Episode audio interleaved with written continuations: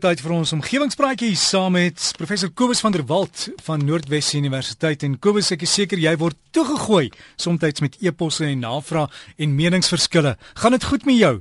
Derek, dit gaan uitstekend hier in Potchefstroom. Dankie. Dit is lekker koud, maar dit moet so wees dat dit weer lekker warm kan word as die winter verby is. En uh heerlike vars oggend hier in Potchefstroom. Nou ja, ek wil vanoggend uh, uitsluitlik kyk na luisteraars navrae. Uh vanoggend se eerste brief kom kom van meneer Jan van Niekerk wat na aanleiding van my geselsie verlede week oor hoe groot die afstande tussen die sterre is my gewys het op 'n baie oulike webwerf waar mense 'n idee kan kry van die makrowêreld, die uitgestrekte wêreld in die heelal, sowel as die mikrowêreld. Dit wat 'n mens met geen die sterkste mikroskoop op aarde nie sou kan sien nie. Nou as jy belangstel hierin, Google gerus die woorde the scale of the universe Die webwerf neem mens vanaf die onmeetbare afstande tussen die sterrestelsels tot by die onsigbare subatomiese wêreld en dit gee mens opnuut 'n idee oor hoe klein en nietig ons eintlik is in die groter geheel. Baie dankie meneer Jan van Niekerk vir daardie oulike webwerf en ek sê weer as u belangstel Google gerus the scale of the universe om dit te kan sien. Dan omgewingsvriende het meneer Willem de Meyer gereageer uh, oor my bespreking oor die landbousektor se invloed op die omgewing verlede week. U sal onthou dat hy 'n uh, brief geskryf het wat ek verlede week bespreek het en hy het daarin die landbousektor uh, beskryf dat hulle die omgewing vernietig en dat 'n boer op sy plaas eintlik kan doen wat hy wil sonder enige wetlike of regulatoriese beperkings. En ek het toe daarvan verskil. Nou dit is wel so dat landbou 'n invloed op die omgewing het soos enige ander menslike aktiwiteit en dit is veral kommersiële landboupraktyke waarna ek verwys. Ons weet voerkrale en reislande stel byvoorbeeld metaan vry, kunsmis stel stikstofoksides in die atmosfeer vry.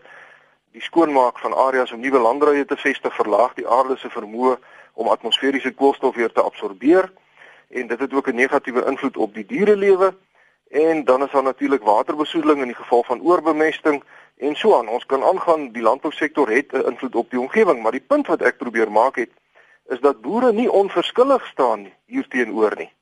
Ehm um, boere kan definitief ook nie op hulle plase maar net maak soos hulle wil nie. Ek beweeg baie in die landbousektor rond uh, en al hoe meer boere en dit is reg oor die wêreld pas die beginsels van bewaringslandbou teen 'n toenemende tempo toe op hulle plase. Een van ons ander omgewingsvriende meneer FJ van Eden skryf dat benewens die nasionale uh, omgewingswette soos die waterwet en provinsiale natuurbewaringswette boere se verantwoordelikheid teenoor die gebruik van natuurlike hulpbronne direk gereguleer word deur die wet op die bewaring van landbouhulpbronne. Dis wet 43 van 1983. Nou gevolge daardie wet mag 'n boer byvoorbeeld nie nuwe lande op sy grond maak sonder toestemming van die depart, eh, departement van landbou af nie. Uh, of hy mag byvoorbeeld nie nader as 'n bepaalde afstand van 'n natuurlike stroompie bewerking toepas nie of hy mag nie die veld laat oorbewy nie ensovoorts. Dr Willem Botha wat tans in die distrik Kenhardt boer, skryf dat hy vir sowat 40 jaar lank direk met boere en hulle natuurlike ekstensiewe weiveld te doen gehad het. Hy was eers 'n landbouvoorligter in die Karoo en hy het vir omtrent 20 jaar lank navorsing by, by Grootfontein naby Middelburg in die Kaap gedoen wat die intensiewe monitering van plante groei op 'n aantal persele ingesluit het. Nou hy tans afgetree, maar hy bestuur 'n boerdery vir sy seun in, in die distrik Kenhardt en hulle is totaal en al afhanklik van die son, die wind en gas vir huishoudelike doeleindes. Maar sy eintlike storie is dat hy nou probeer om die goed wat hy al die jare as landbouvoorligter vir die boere gesê het om te doen, self toe te pas op sy plaas. En hy sê dis glad nie so maklik soos wat dit dalk klink nie. Hy sê die veranderlikheid van watervoorrade en spesifieke behoeftes van die vee verplig 'n boer om van die voorgenome planne af te wyk. Net een windpomp wat breek, krap alle weiveldbeheer totaal omver. Hy sê hy het gou agtergekom dat 'n boer regtig saam met die natuur moet lewe. Met ander woorde, jy moet jou weiveld se potensiaal intens ken en daarvolgens boer. Oorskry jy dit, dan gooi die veld jou af en dan moet jy voer ten duurste aankoop.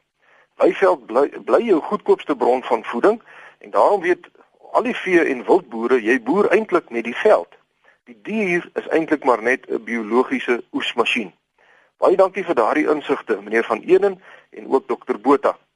Omgewingsvriende, as u meer te wete wil kom oor bewaringslandbou Uh en dis nou benewens al die boeke en die tydskrifte en die internet wat deesdae beskikbaar is, kan u gerus die woorde Soil Health Symposium Durbanville in 'n soek engine intik. Ek sê weer Soil Health Symposium Durbanville. Dan sal u by 'n webbladsy uitkom wat gaan oor 'n simposium oor bewaringslandbou wat uh, 5 tot 7 Augustus in Durban wil gehou gaan word. Meneer Willie Pretorius het dit onder my aandag gebring en ek herhaal graag die die die soekwoorde. Soek op die internet na Soil Health Symposium Durbanville en u sal al die besonderhede daar kry. Dan doen ek iets heeltemal anders. Meneer Pieter Snyman skryf uit Naboomspruit die volgende. Hy sê wat vir hom verstommend is, is dat die koue fronte uit die weste Suid-Afrika van agter af as ware inhaal en dan bo oor Suid-Afrika waai. So dit, dit lyk of die front vinniger as Suid-Afrika beweeg. Hy sê die atmosfeer behoort mos eintlik stadiger as die aarde te draai en nie vinniger as die aarde te draai en die aarde op 'n manier verby te gaan nie. En nou wil hy graag weet hoe dit werk.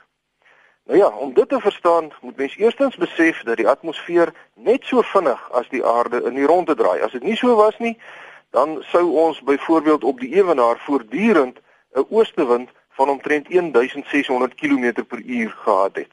So die atmosfeer draai mooi saam met die aarde in die ronde. Uh nou goed, nou hoekom haal die koue fronte dan Suid-Afrika van agter af in vanuit die weste en trek in 'n oostelike rigting oor die land heen teen 'n spoed wat vinniger is as wat die grond nou onder die die die lug in die ronde draai. Hierdie eienaardigheid het te maak met die feit dat die son nie die atmosfeer oral eweredig verwarm nie. Op die ewenaar skyn die son loodreg op die aarde, maar by die pole tref die sonstrale die aarde baie skuins.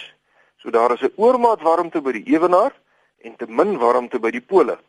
En dis waarom ons winde op aarde kry. 'n Wind is niks anders nie as die meganisme waarmee die aarde die oneweredige verhitting van die atmosfeer meer eweredig wil versprei.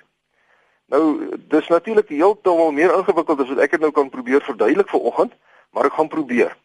Ehm um, ons kry as gevolg van die oneweredige temperatuur van die atmosfeer winde wat gewoonlik vanaf die suidpool af noordwaarts waai en ook winde wat vanaf die middelbreedte of daarna by die ewenaar dan suidwaarts waai. Nou hierdie winde is egter aan die Coriolis effek onderworpe. Dit beteken die goed wyk af na links. Met die gevolg as ons nou dink aan suid van Suid-Afrika oor die see, dan kry ons gewoonlik daar koue winde wat uit die ooste uitwaai terwyl daar net 'n bietjie verder noord van hierdie koue winde warmer winde is wat gewoonlik vanuit die weste waai. Nou die lyn waar die koue ooste winde en die warm weste winde teen mekaar verbywaai, word die poolfront genoem. En daar kom gereeld versteurings in hierdie front voor sodat die twee lugmassas wat in verskillende rigtings waai rondom 'n sentrale punt begin roteer en dis gewoonlik dan 'n laagdrukpunt. Nou die koue ooste winde begin dan noordwaarts te beweeg en die warm westewinde draai suidwaarts. En dit is waar die kenmerkende koue front wat oor ons land beweeg dan vandaan kom. Die twee lugmassas begin kloksgewys rondom mekaar te roteer. So dit is dis nie die hele atmosfeer wat nou vinniger as die land begin beweeg nie, maar net sterk winde wat waai as gevolg van die meganisme van energie uitreiling.